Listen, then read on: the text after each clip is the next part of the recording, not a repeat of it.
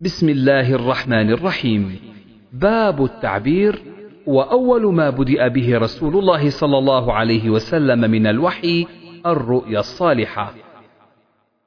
حدثنا يحيى بن بكير حدثنا الليث عن عقيل عن ابن شهاب. وحدثني عبد الله بن محمد حدثنا عبد الرزاق حدثنا معمر قال الزهري. فأخبرني عروة عن عائشة رضي الله عنها أنها قالت: أول ما بدأ به رسول الله صلى الله عليه وسلم من الوحي الرؤيا الصادقة في النوم، فكان لا يرى رؤيا إلا جاءت مثل فلق الصبح، فكان يأتي حراء فيتحنث فيه وهو التعبد الليالي ذوات العدد، ويتزود لذلك ثم يرجع إلى خديجة فتزوده لمثلها حتى فجئه الحق وهو في غار حراء فجاءه الملك فيه فقال اقرأ. فقال له النبي صلى الله عليه وسلم فقلت ما أنا بقارئ.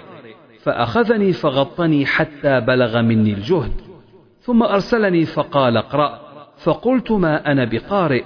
فأخذني فغطني الثانية حتى بلغ مني الجهد. ثم أرسلني فقال اقرأ. فقلت ما أنا بقارئ. فغطني الثالثة حتى بلغ مني الجهد. ثم أرسلني فقال اقرأ باسم ربك الذي خلق حتى بلغ ما لم يعلم. فرجع بها ترجف بوادره حتى دخل على خديجة فقال زملوني زملوني. فزملوه حتى ذهب عنه الروع. فقال يا خديجة ما لي؟ وأخبرها الخبر. وقال قد خشيت على نفسي. فقالت له كلا أبشر فوالله لا يخزيك الله أبدا. إنك لتصل الرحم وتصدق الحديث وتحمل الكل وتقري الضيف وتعين على نوائب الحق.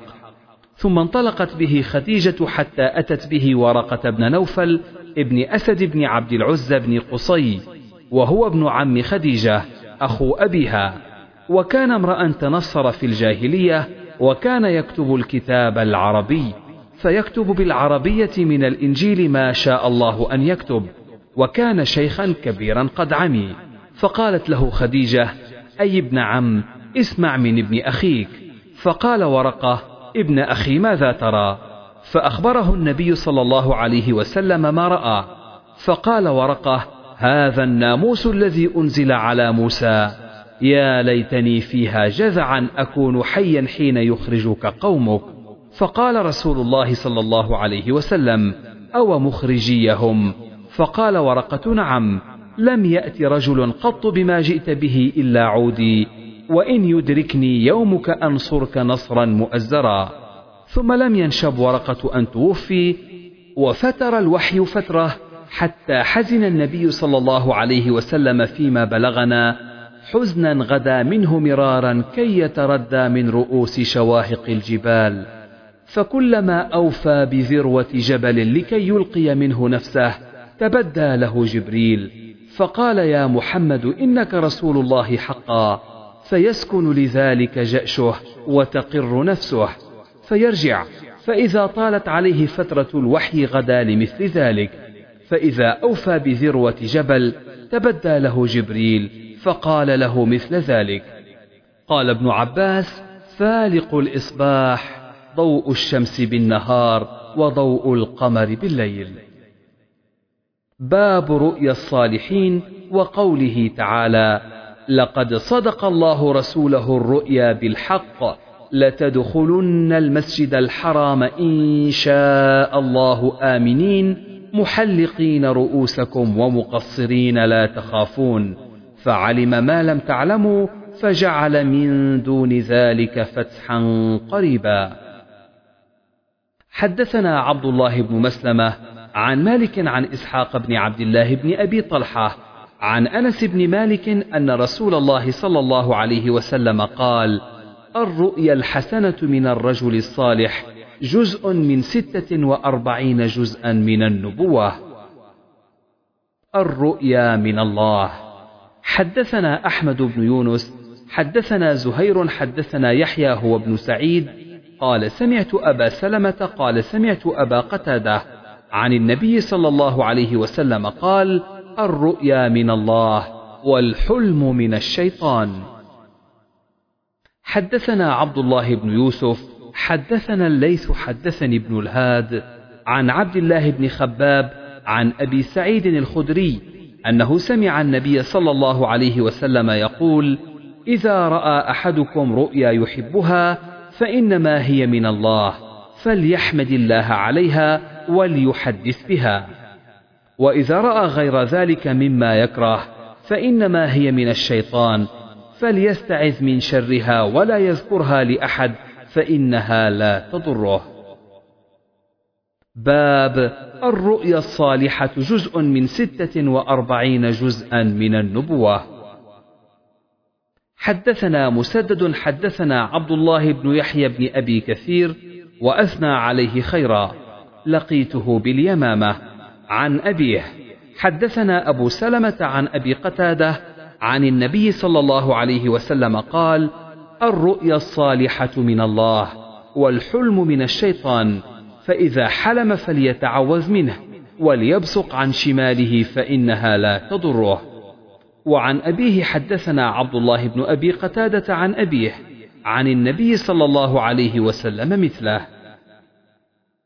حدثنا محمد بن بشار حدثنا غندر حدثنا شعبة عن قتادة عن أنس بن مالك عن عبادة بن الصامت عن النبي صلى الله عليه وسلم قال رؤيا المؤمن جزء من ستة وأربعين جزءا من النبوة. حدثنا يحيى بن قزعة حدثنا إبراهيم بن سعد عن الزهري عن سعيد بن المسيب عن أبي هريرة رضي الله عنه أن رسول الله صلى الله عليه وسلم قال رؤيا المؤمن جزء من ستة وأربعين جزءا من النبوة رواه ثابت وحميد وإسحاق بن عبد الله وشعيب عن أنس عن النبي صلى الله عليه وسلم. حدثني إبراهيم بن حمزة حدثني ابن أبي حازم والدراوردي عن يزيد عن عبد الله بن خباب عن أبي سعيد الخدري أنه سمع رسول الله صلى الله عليه وسلم يقول الرؤيا الصالحة جزء من ستة وأربعين جزءا من النبوة. باب المبشرات. حدثنا أبو اليمان أخبرنا شعيب عن الزهري. حدثني سعيد بن المسيب أن أبا هريرة قال سمعت رسول الله صلى الله عليه وسلم يقول لم يبق من النبوة إلا المبشرات. قالوا وما المبشرات؟ قال الرؤيا الصالحة. باب رؤيا يوسف وقوله تعالى إذ قال يوسف لأبيه يا أبت إني رأيت أحد عشر كوكبا والشمس والقمر رأيتهم لي ساجدين. قال يا بني لا تقصص رؤياك على إخوتك فيكيدوا لك كيدا. إن الشيطان للإنسان عدو مبين. وكذلك يجتبيك ربك ويعلمك من تأويل الأحاديث ويتم نعمته عليك وعلى آل يعقوب كما أتمها على أبويك من قبل إبراهيم وإسحاق. إن ربك عليم حكيم. وقوله تعالى يا أبت هذا تأويل رؤياي من قبل قد جعلها ربي حقا وقد أحسن بي إذ أخرجني من السجن وجاء بكم من البدو من بعد أن نزغ الشيطان بيني وبين إخوتي. إن ربي لطيف لما يشاء إنه هو العليم الحكيم. رب قد آتيتني من الملك وعلمتني من تأويل الأحاديث. فاطر السماوات والأرض أنت ولي في الدنيا والآخرة. توفني مسلما وألحقني بالصالحين. فاطر والبديع والمبتدع والبارئ والخالق واحد من البدء بادئة. رؤيا إبراهيم عليه السلام وقوله تعالى فلما بلغ معه السعي قال يا بني إني أرى في المنام أني أذبحك فانظر ماذا ترى. قال يا أبت افعل ما تؤمر ستجدني إن شاء الله من الصابرين. فلما اسلما وتله للجبين وناديناه أن يا إبراهيم قد صدقت الرؤيا إنا كذلك نجزي المحسنين. قال مجاهد أسلما سلما ما أمرا به وتله وضع وجهه بالأرض. باب التواطؤ على الرؤيا. حدثنا يحيى بن بكير حدثنا الليث عن عقيل عن ابن شهاب عن سالم بن عبد الله عن ابن عمر رضي الله عنه أن أناسا رأوا ليلة القدر في السبع الأواخر وأن أناسا أروا أنها في العشر الأواخر. فقال النبي صلى الله عليه وسلم التمسوها في السبع الأواخر.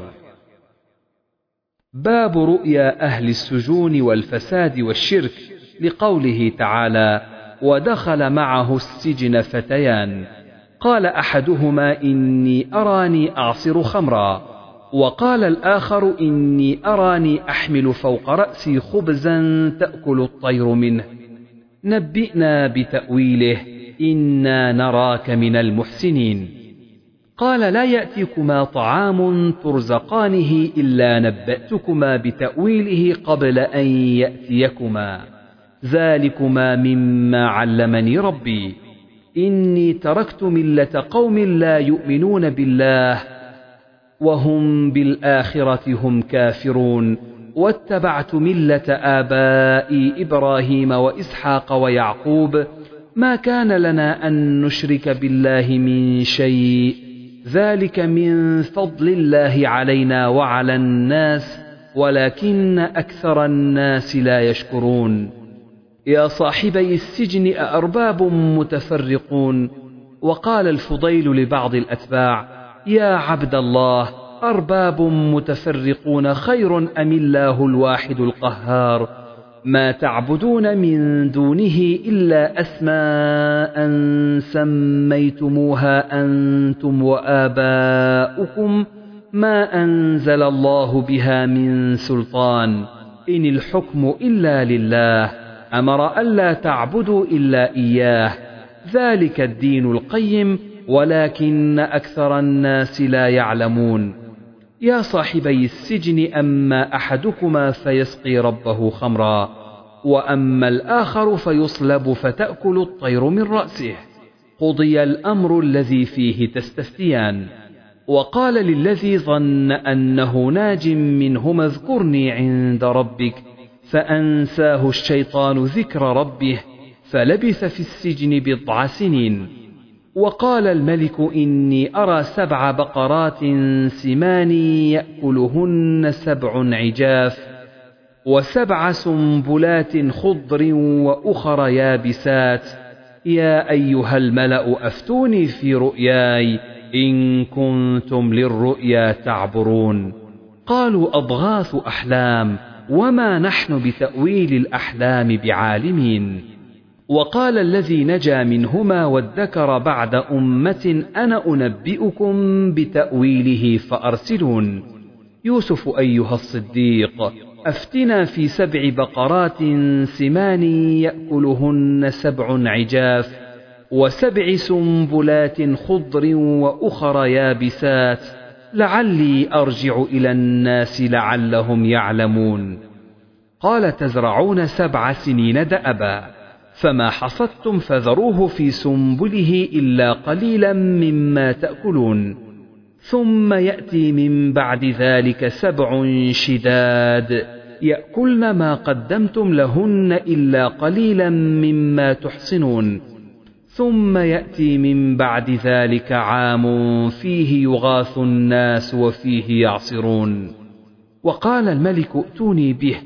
فلما جاءه الرسول قال ارجع إلى ربك والذكر افتعل من ذكر أمه قرن وتقرأ أمه نسيان وقال ابن عباس يعصرون الأعناب والدهن تحصنون تحرسون. حدثنا عبد الله حدثنا جويرية عن مالك عن الزهري أن سعيد بن المسيب وأبا عبيد أخبراه عن أبي هريرة رضي الله عنه قال قال رسول الله صلى الله عليه وسلم لو لبثت في السجن ما لبث يوسف ثم أتاني الداعي لأجبته. باب من رأى النبي صلى الله عليه وسلم في المنام. حدثنا عبدان أخبرنا عبد الله عن يونس عن الزهري. حدثني أبو سلمة أن أبا هريرة قال سمعت النبي صلى الله عليه وسلم يقول من رآني في المنام فسيراني في اليقظة ولا يتمثل الشيطان بي. قال أبو عبد الله قال ابن سيرين إذا رآه في صورته. حدثنا معل بن أسد حدثنا عبد العزيز بن مختار حدثنا ثابت البناني عن أنس رضي الله عنه قال قال النبي صلى الله عليه وسلم من رآني في المنام فقد رآني فإن الشيطان لا يتخيل بي. ورؤيا المؤمن جزء من ستة وأربعين جزءا من النبوة. حدثنا يحيى بن بكير حدثنا الليث عن عبيد الله بن أبي جعفر. أخبرني أبو سلمة عن أبي قتادة قال قال النبي صلى الله عليه وسلم الرؤيا الصالحة من الله والحلم من الشيطان. فمن رأى شيئا يكرهه فلينفث عن شماله ثلاثا وليتعوذ من الشيطان فإنها لا تضره وإن الشيطان لا يتزايا بي حدثنا خالد بن خلي حدثنا محمد بن حرب. حدثني الزبيدي عن الزهري قال أبو سلمة قال أبو قتادة رضي الله عنه قال النبي صلى الله عليه وسلم من رآني فقد رأى الحق. تابعه يونس وابن أخي الزهري. حدثنا عبد الله بن يوسف حدثنا الليث حدثني ابن الهاد عن عبد الله بن خباب عن أبي سعيد الخدري. سمع النبي صلى الله عليه وسلم يقول من رآني فقد رأى الحق فإن الشيطان لا يتكونني. باب رؤيا الليل رواه سمرة. حدثنا أحمد بن المقدام العجلي حدثنا محمد بن عبد الرحمن الطفاوي حدثنا أيوب عن محمد عن أبي هريرة قال قال النبي صلى الله عليه وسلم أعطيت مفاتيح الكلم ونصرت بالرعب وبينما أنا نائم البارحة إذ أتيت بمفاتيح خزائن الأرض حتى وضعت في يدي. قال أبو هريرة فذهب رسول الله صلى الله عليه وسلم وأنتم تنتقلونها. حدثنا عبد الله بن مسلمة عن مالك عن نافع عن عبد الله بن عمر رضي الله عنهما أن رسول الله صلى الله عليه وسلم قال أراني الليلة عند الكعبة فرأيت رجلا آدم كأحسن ما أنت راء من أدم الرجال له لمة كأحسن ما أنت راء من اللمم قد رجلها تقطر ماء. متكئا على رجلين أو على عواتق رجلين يطوف بالبيت. فسألت من هذا؟ فقيل المسيح ابن مريم. ثم إذا أنا برجل جعد قطط أعور العين اليمنى. كأنها عنبة طافية. فسألت من هذا؟ فقيل المسيح الدجال. حدثنا يحيى حدثنا الليث عن يونس عن ابن شهاب عن عبيد الله بن عبد الله. أن ابن عباس كان يحدث أن رجلا أتى رسول الله صلى الله عليه وسلم فقال إني أريت الليلة في المنام. وساق الحديث. وتابعه سليمان بن كثير وابن أخي الزهري وسفيان بن حسين عن الزهري عن عبيد الله عن ابن عباس عن النبي صلى الله عليه وسلم. وقال الزبيدي عن الزهري عن عبيد الله أن ابن عباس أو أبا هريرة عن النبي صلى الله عليه وسلم. وقال شعيب وإسحاق بن يحيى عن الزهري كان أبو هريرة يحدث عن النبي صلى الله عليه وسلم وكان معمر لا يسنده حتى كان بعد. باب الرؤيا بالنهار. وقال ابن عون عن ابن سيرين رؤيا النهار مثل رؤيا الليل.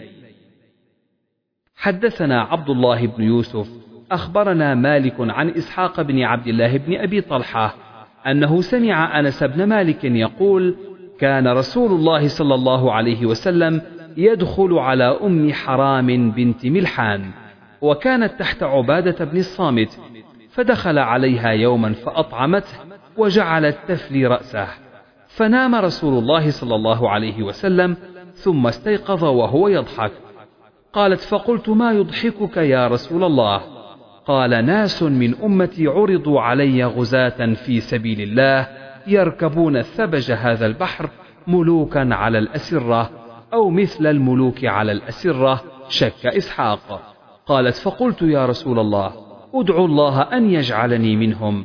فدعا لها رسول الله صلى الله عليه وسلم ثم وضع رأسه ثم استيقظ وهو يضحك. فقلت ما يضحكك يا رسول الله؟ قال ناس من أمتي عرضوا علي غزاة في سبيل الله كما قال في الأولى.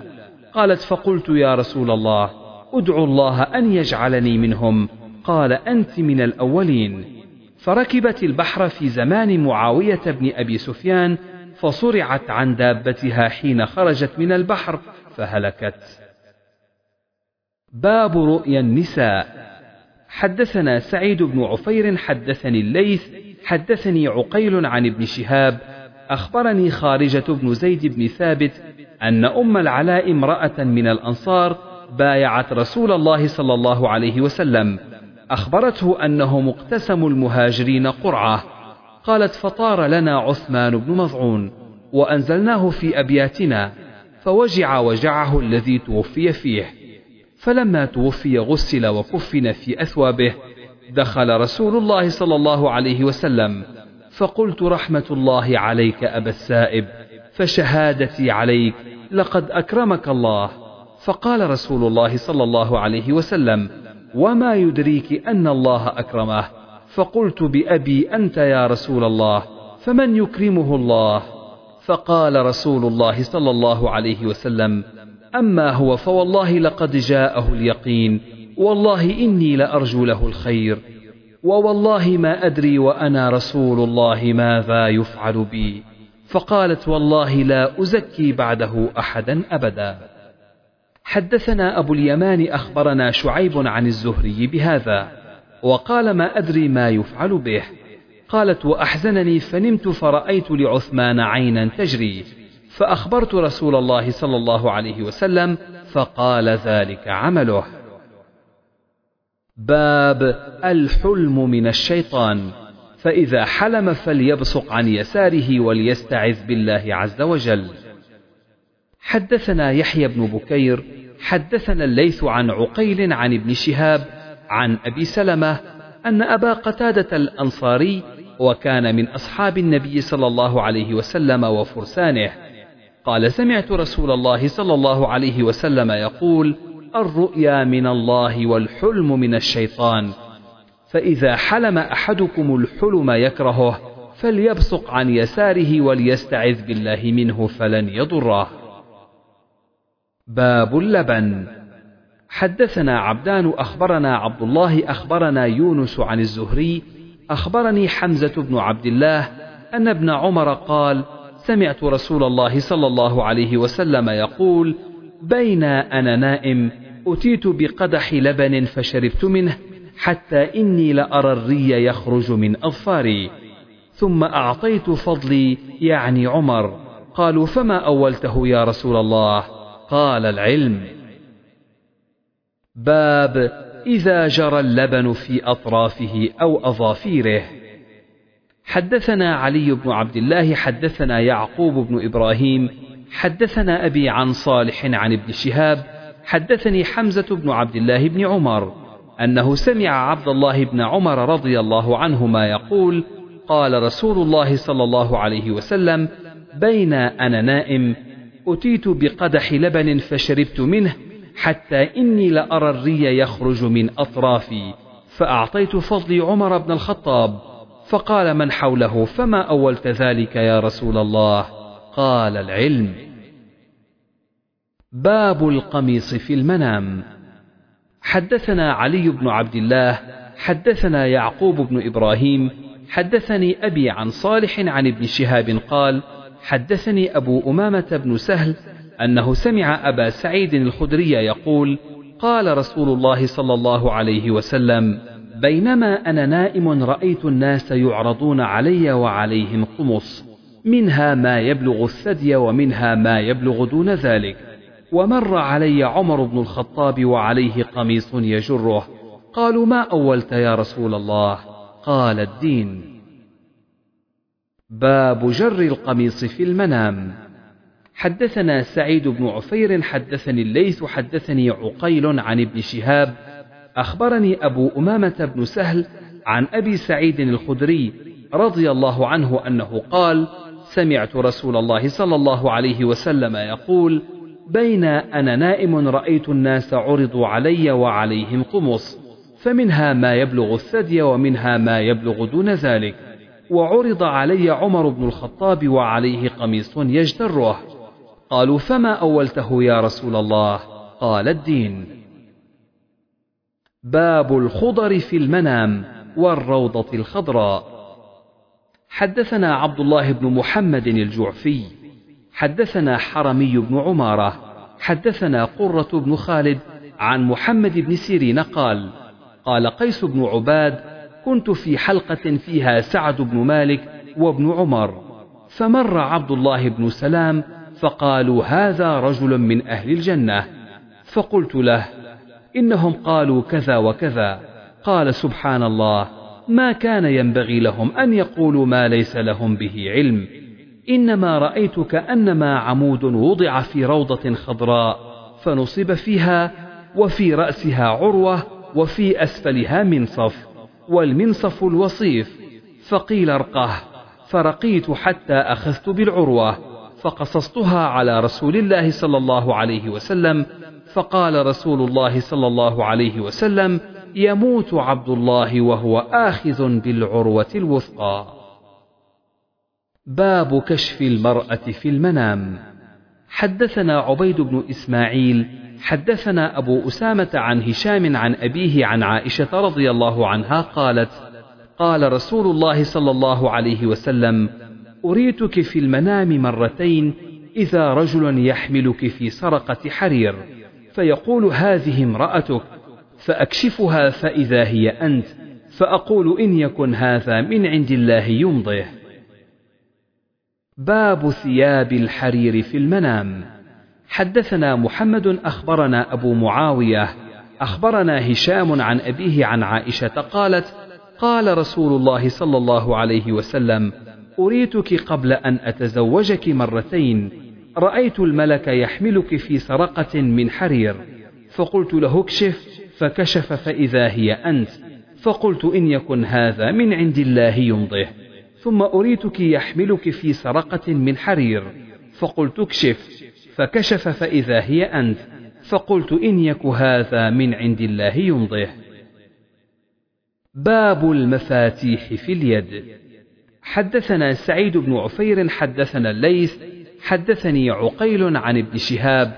أخبرني سعيد بن المسيب أن أبا هريرة قال سمعت رسول الله صلى الله عليه وسلم يقول بعثت بجوامع الكلم ونصرت بالرعب وبين أنا نائم أتيت بمفاتيح خزائن الأرض فوضعت في يدي قال محمد وبلغني أن جوامع الكلم أن الله يجمع الأمور الكثيرة التي كانت تكتب في الكتب قبله في الأمر الواحد والأمرين أو نحو ذلك.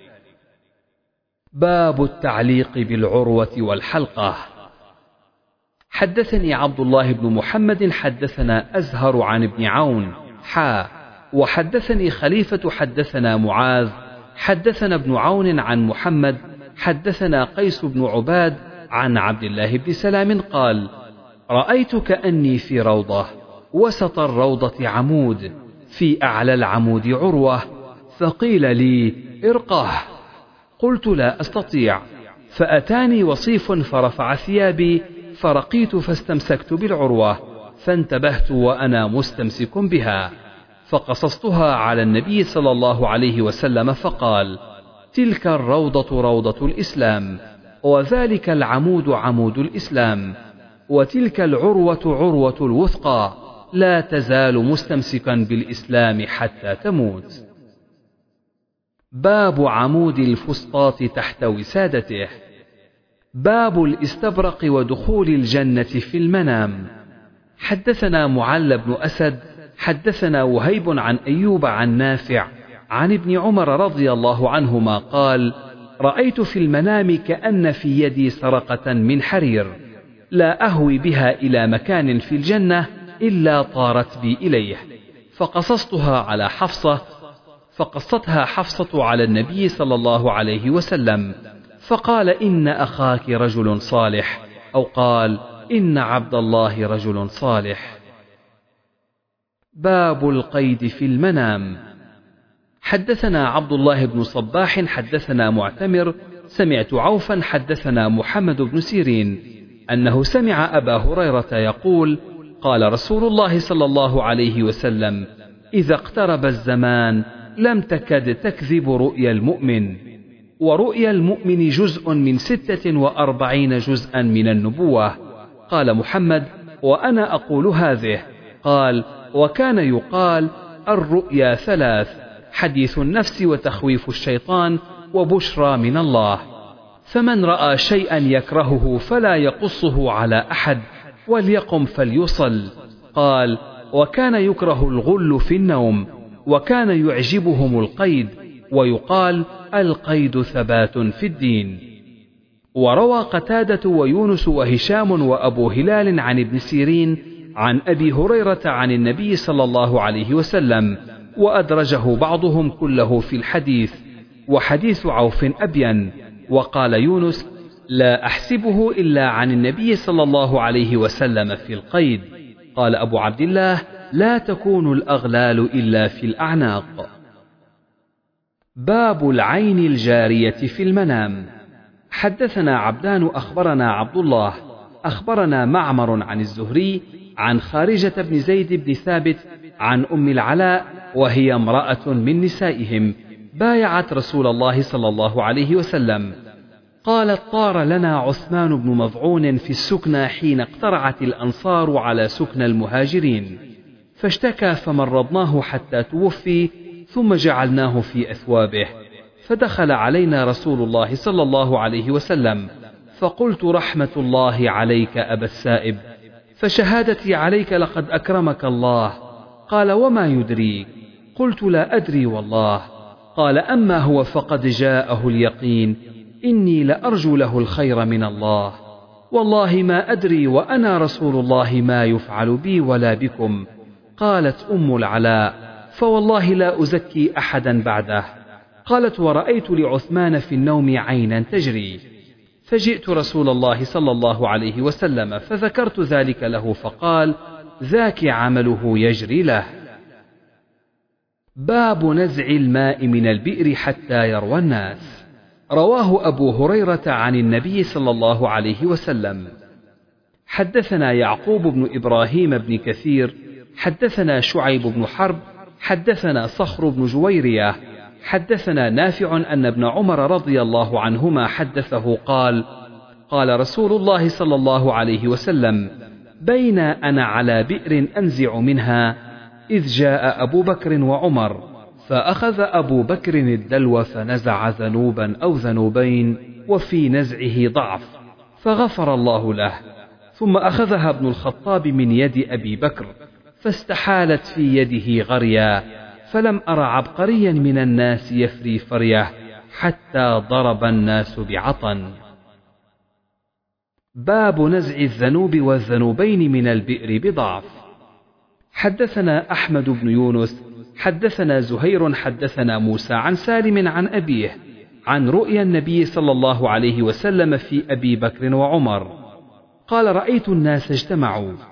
فقام أبو بكر فنزع ذنوبا أو ذنوبين وفي نزعه ضعف والله يغفر له. ثم قام ابن الخطاب فاستحالت غربا فما رأيت من الناس يفري فريه حتى ضرب الناس بعطن حدثنا سعيد بن عفير حدثني الليث قال حدثني عقيل عن ابن شهاب أخبرني سعيد أن أبا هريرة أخبره أن رسول الله صلى الله عليه وسلم قال بين أنا نائم رأيتني على قليب وعليها دلو فنزعت منها ما شاء الله ثم أخذها ابن أبي قحافة فنزع منها ذنوبا أو ذنوبين وفي نزعه ضعف والله يغفر له. ثم استحالت غربا فأخذها عمر بن الخطاب فلم أر عبقريا من الناس ينزع نزع عمر بن الخطاب. حتى ضرب الناس بعطن. باب الاستراحة في المنام. حدثنا إسحاق بن إبراهيم حدثنا عبد الرزاق عن معمر عن همام أنه سمع أبا هريرة رضي الله عنه يقول قال رسول الله صلى الله عليه وسلم بين أنا نائم رأيت أني على حوض أسقي الناس فأتاني أبو بكر فأخذ الدلو من يدي ليريحني. فنزع ذنوبين وفي نزعه ضعف والله يغفر له. فأتى ابن الخطاب فأخذ منه فلم يزل ينزع حتى تولى الناس والحوض يتفجر. باب القصر في المنام. حدثنا سعيد بن عفير حدثني الليث حدثني عقيل عن ابن شهاب قال أخبرني سعيد بن المسيب أن أبا هريرة قال بينا نحن جلوس عند رسول الله صلى الله عليه وسلم قال بين أنا نائم رأيتني في الجنة فإذا امرأة تتوضأ إلى جانب قصر. قلت لمن هذا القصر؟ قالوا لعمر بن الخطاب. فذكرت غيرته فوليت مدبرا. قال أبو هريرة فبكى عمر بن الخطاب ثم قال أعليك بأبي أنت وأمي يا رسول الله أغار. حدثنا عمرو بن علي حدثنا معتمر بن سليمان حدثنا عبيد الله بن عمر عن محمد بن المنكدر عن جابر بن عبد الله قال قال رسول الله صلى الله عليه وسلم دخلت الجنة فإذا أنا بقصر من ذهب. فقلت لمن هذا؟ فقالوا لرجل من قريش فما منعني أن أدخله يا ابن الخطاب إلا ما أعلم من غيرتك. قال وعليك أغار يا رسول الله. باب الوضوء في المنام. حدثني يحيى بن بكير حدثنا الليث عن عقيل عن ابن شهاب. أخبرني سعيد بن المسيب أن أبا هريرة قال بينما نحن جلوس عند رسول الله صلى الله عليه وسلم قال بين أنا نائم رأيتني في الجنة فإذا امرأة تتوضأ إلى جانب قصر. فقلت لمن هذا القصر؟ فقالوا لعمر فذكرت غيرته فوليت مدبرا. فبكى عمر وقال عليك بأبي أنت وأمي يا رسول الله أغار. باب الطواف بالكعبة في المنام. حدثنا أبو اليمان أخبرنا شعيب عن الزهري. أخبرني سالم بن عبد الله بن عمر أن عبد الله بن عمر رضي الله عنهما قال قال رسول الله صلى الله عليه وسلم بين أنا نائم رأيتني أطوف بالكعبة فإذا رجل آدم سبط الشعر بين رجلين ينطف رأسه ماء فقلت من هذا؟ قالوا ابن مريم فذهبت ألتفت فإذا رجل أحمر جسيم جعد الرأس أعور العين اليمنى كأن عينه عنبة طافية قلت من هذا؟ قالوا هذا الدجال أقرب الناس به شبها ابن قطن وابن قطن رجل من بني المصطلق من خزاعة. باب إذا أعطى فضله غيره في النوم. حدثنا يحيى بن بكير حدثنا الليث عن عقيل عن ابن شهاب. أخبرني حمزة بن عبد الله بن عمر أن عبد الله بن عمر قال سمعت رسول الله صلى الله عليه وسلم يقول بين أنا نائم أتيت بقدح لبن فشربت منه حتى إني لأرى الري يجري. ثم أعطيت فضله عمر قالوا فما أولته يا رسول الله؟ قال العلم. باب الأمن وذهاب الروع في المنام. حدثني عبيد الله بن سعيد حدثنا عفان بن مسلم حدثنا صخر بن جويرية حدثنا نافع أن ابن عمر قال إن رجالا من أصحاب رسول الله صلى الله عليه وسلم كانوا يرون الرؤيا على عهد رسول الله صلى الله عليه وسلم فيقصونها على رسول الله صلى الله عليه وسلم فيقول فيها رسول الله صلى الله عليه وسلم ما شاء الله وأنا غلام حديث السن وبيت المسجد قبل أن أنكح. فقلت في نفسي لو كان فيك خير لرأيت مثل ما يرى هؤلاء. فلما اضطجعت ليلة قلت اللهم إن كنت تعلم في خيرا فأرني رؤيا فبينما أنا كذلك إذ جاءني ملكان في يد كل واحد منهما مقمعة من حديد يقبلا بي إلى جهنم وأنا بينهما أدعو الله اللهم أعوذ بك من جهنم. ثم أراني لقيني ملك في يده مقمعة من حديد فقال لن تراع. نعم الرجل أنت لو تكثر الصلاة فانطلقوا بي حتى وقفوا بي على شفير جهنم فإذا هي مطوية كطي البئر له قرون كقرن البئر بين كل قرنين ملك بيده مقمعة من حديد وأرى فيها رجالا معلقين بالسلاسل رؤوسهم أسفلهم عرفت فيها رجالا من قريش فانصرفوا بي عن ذات اليمين. فقصصتها على حفصة فقصتها حفصة على رسول الله صلى الله عليه وسلم. فقال رسول الله صلى الله عليه وسلم إن عبد الله رجل صالح. فقال نافع لم يزل بعد ذلك يكثر الصلاة. باب الأخذ على اليمين في النوم.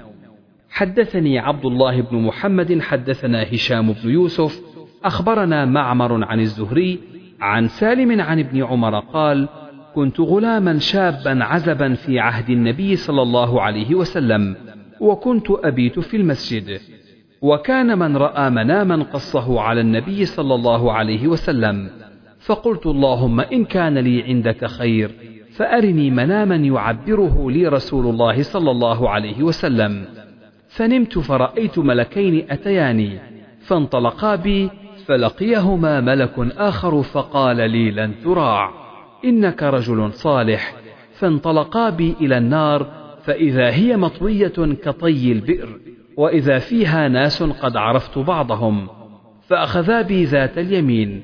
فلما أصبحت ذكرت ذلك لحفصة فزعمت حفصة أنها قصتها على النبي صلى الله عليه وسلم فقال إن عبد الله رجل صالح. لو كان يكثر الصلاة من الليل. قال الزهري وكان عبد الله بعد ذلك يكثر الصلاة من الليل. باب القدح في النوم. حدثنا قتيبة بن سعيد حدثنا الليث عن عقيل عن ابن شهاب عن حمزة بن عبد الله عن عبد الله بن عمر رضي الله عنهما قال سمعت رسول الله صلى الله عليه وسلم يقول بين أنا نائم أتيت بقدح لبن فشربت منه ثم أعطيت فضلي عمر بن الخطاب. قالوا فما أولته يا رسول الله؟ قال العلم.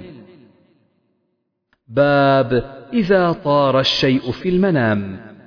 حدثني سعيد بن محمد حدثنا يعقوب بن إبراهيم حدثنا أبي عن صالح عن ابن عبيدة بن نشيط قال قال عبيد الله بن عبد الله سألت عبد الله بن عباس رضي الله عنهما عن رؤيا رسول الله صلى الله عليه وسلم التي ذكر. فقال ابن عباس ذكر لي أن رسول الله صلى الله عليه وسلم قال بين أنا نائم رأيت أنه وضع في يدي سواران من ذهب ففظعتهما وكرهتهما فأذن لي فنفختهما فطارا فأولتهما كذابين يخرجان. فقال عبيد الله أحدهما العنسي الذي قتله فيروز باليمن والآخر مسيلمة. باب إذا رأى بقرا تنحر. حدثني محمد بن العلاء حدثنا أبو أسامة عن بريد عن جده أبي بردة عن أبي موسى أراه عن النبي صلى الله عليه وسلم قال رأيت في المنام أني أهاجر من مكة إلى أرض بها نخل. فذهب وهلي إلى أنها اليمامة أو هجر. فإذا هي المدينة يثرب ورأيت فيها بقرا والله خير. فإذا هم المؤمنون يوم أحد وإذا الخير ما جاء الله من الخير وثواب الصدق الذي آتانا الله به بعد يوم بدر. باب النفخ في المنام. حدثني إسحاق بن إبراهيم الحنظلي حدثنا عبد الرزاق أخبرنا معمر عن همام بن منبه قال هذا ما حدثنا به أبو هريرة عن رسول الله صلى الله عليه وسلم قال نحن الآخرون السابقون وقال رسول الله صلى الله عليه وسلم بين أنا نائم إذ أتيت خزائن الأرض فوضع في يدي سواران من ذهب فكبرا علي وأهماني فأوحي إلي أن انفخهما فنفختهما فطارا فأولتهما الكذابين اللذين أنا بينهما صاحب صنعاء وصاحب اليمامة. باب إذا رأى أنه أخرج الشيء من كورة فأسكنه موضعا آخر. حدثنا إسماعيل بن عبد الله حدثني أخي عبد الحميد عن سليمان بن بلال عن موسى بن عقبة عن سالم بن عبد الله عن أبيه أن النبي صلى الله عليه وسلم قال رأيت كأن امرأة سوداء ثائرة الرأس خرجت من المدينة حتى قامت بمهيعة وهي الجحفة فأولت أن وباء المدينة نقل إليها. باب المرأة السوداء. حدثنا أبو بكر المقدمي حدثنا فضيل بن سليمان حدثنا موسى حدثني سالم بن عبد الله عن عبد الله بن عمر رضي الله عنهما في رؤيا النبي صلى الله عليه وسلم في المدينة. رأيت امرأة سوداء ثائرة الرأس خرجت من المدينة حتى نزلت بمهيعة فتأولتها أن وباء المدينة نقل إلى مهيعة وهي الجحفة. باب المرأة الثائرة الرأس.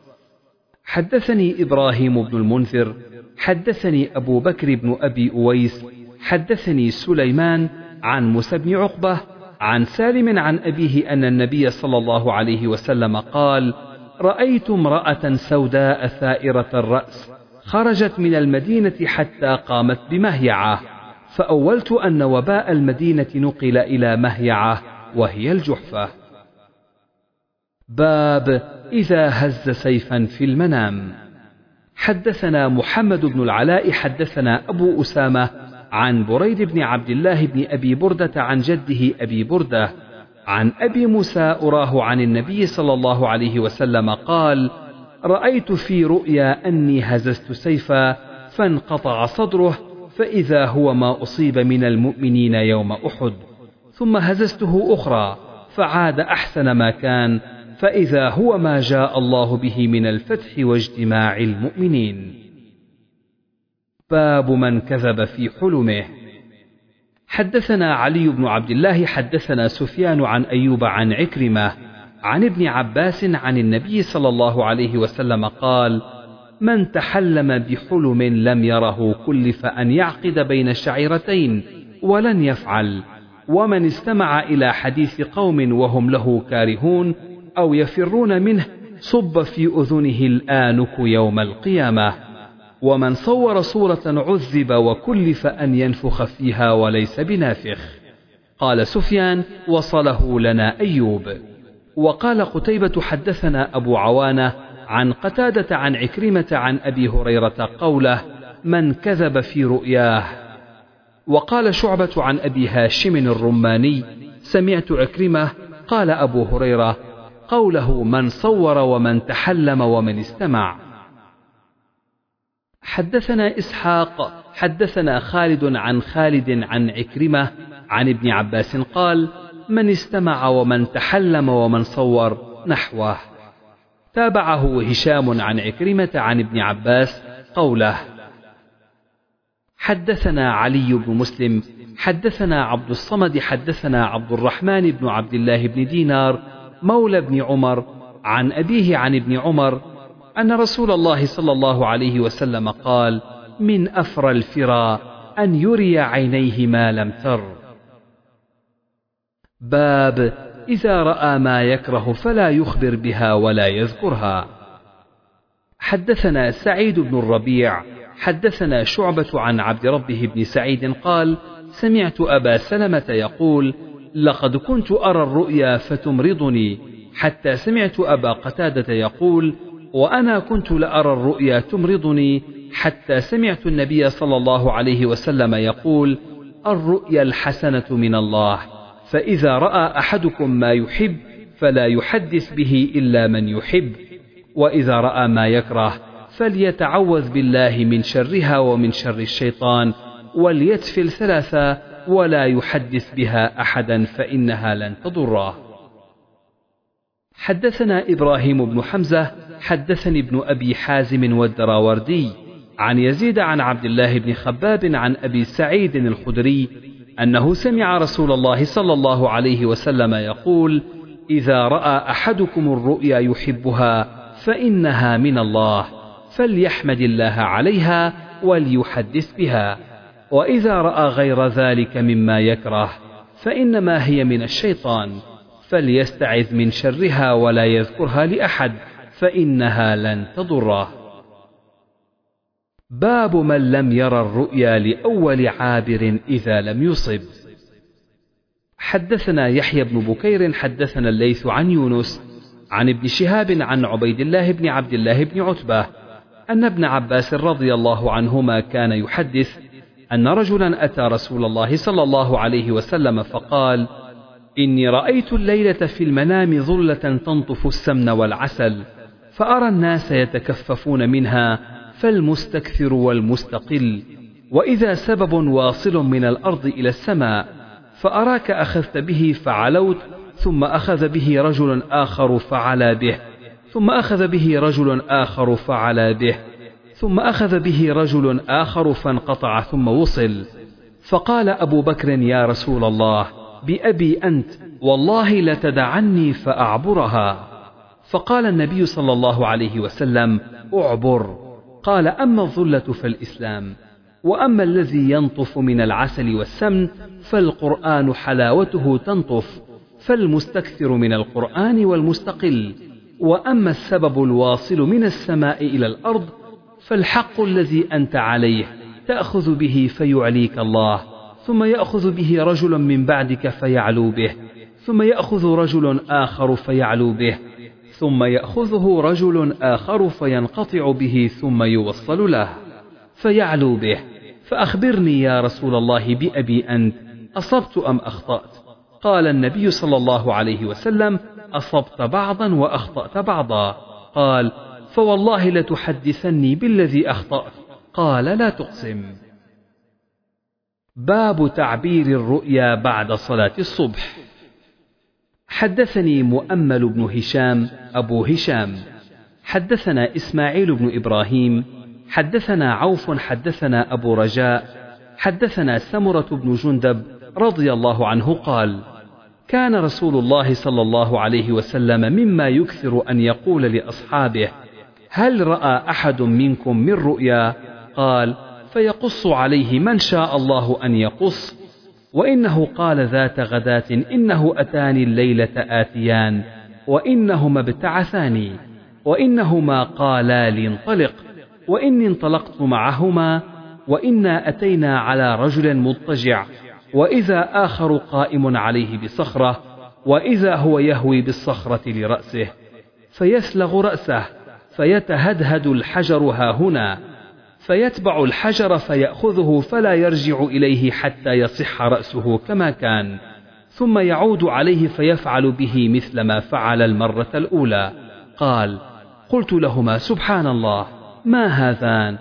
قال قالا لانطلق قال فانطلقنا فأتينا على رجل مستلق لقفاه وإذا آخر قائم عليه بكلوب من حديد وإذا هو يأتي أحد شقي وجهه فيشرشر شدقه إلى قفاه ومنخره إلى قفاه وعينه إلى قفاه. قال وربما قال أبو رجاء فيشق قال ثم يتحول إلى الجانب الآخر فيفعل به مثل ما فعل بالجانب الأول فما يفرغ من ذلك الجانب حتى يصح ذلك الجانب كما كان. ثم يعود عليه فيفعل مثل ما فعل المرة الأولى. قال قلت سبحان الله ما هذان؟ قال قالا لانطلق. فانطلقنا فأتينا على مثل التنور. قال فأحسب أنه كان يقول فإذا فيه لغط وأصوات. قال فاطلعنا فيه فإذا فيه رجال ونساء عراه. وإذا هم يأتيهم لهب من أسفل منهم. فإذا أتاهم ذلك اللهب ضو ضو قال قلت لهما ما هؤلاء؟ قال قالا لانطلق انطلق. قالا فانطلقنا فأتينا على نهر حسبت أنه كان يقول أحمر مثل الدم. وإذا في النهر رجل سابح يسبح. وإذا على شط النهر رجل قد جمع عنده حجارة كثيرة. وإذا ذلك السابح يسبح ما يسبح. ثم يأتي ذلك الذي قد جمع عنده الحجارة فيصغر له فاه فيلقمه حجرا. فينطلق يسبح ثم يرجع إليه. كلما رجع إليه فغر له فاه فألقمه حجرا. قال قلت لهما ما هذان؟ قال قالا لانطلق انطلق. قال فانطلقنا فأتينا على رجل كريه المرآة. كأكره ما أن ترى إن رجلا مرآة. وإذا عنده نار يحشها ويسعى حولها. قال قلت لهما ما هذا؟ قال قالا لانطلق انطلق. فانطلقنا فأتينا على روضة معتمة فيها من كل نور الربيع وإذا بين ظهري الروضة رجل طويل لا أكاد أرى رأسه طولا في السماء. وإذا حول الرجل من أكثر ولدان رأيتهم قط قال قلت لهما ما هذا؟ ما هؤلاء؟ قال قالا لانطلق انطلق. قال فانطلقنا فانتهينا إلى روضة عظيمة لم أر روضة قط أعظم منها ولا أحسن.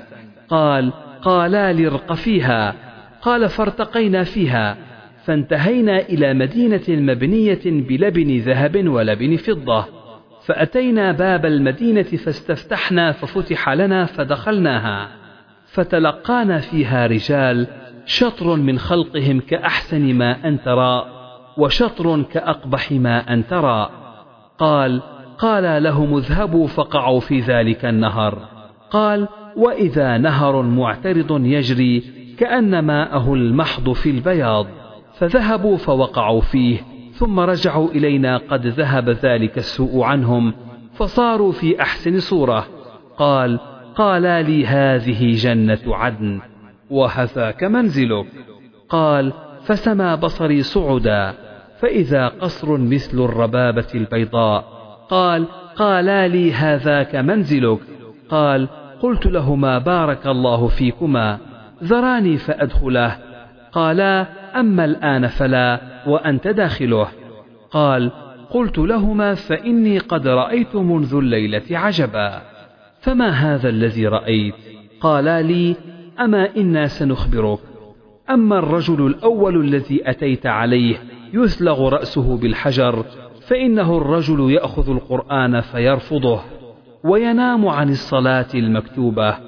وأما الرجل الذي أتيت عليه يشرشر شدقه إلى قفاه ومنخره إلى قفاه وعينه إلى قفاه فإنه الرجل يغدو من بيته فيكذب الكذبة تبلغ الآفاق.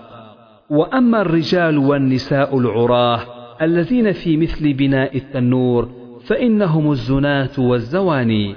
وأما الرجل الذي أتيت عليه يسبح في النهر ويلقم الحجر فإنه آكل الربا. وأما الرجل الكريه المرآة الذي عند النار يحشها ويسعى حولها فإنه مالك خازن جهنم. وأما الرجل الطويل الذي في الروضة فإنه إبراهيم صلى الله عليه وسلم. وأما الولدان الذي حوله فكل مولود مات على الفطرة قال فقال بعض المسلمين يا رسول الله وأولاد المشركين؟ فقال رسول الله صلى الله عليه وسلم وأولاد المشركين. وأما القوم الذين كانوا شطر منهم حسنا وشطر منهم قبيحا فإنهم قوم خلطوا عملا صالحا وآخر سيئا تجاوز الله عنهم.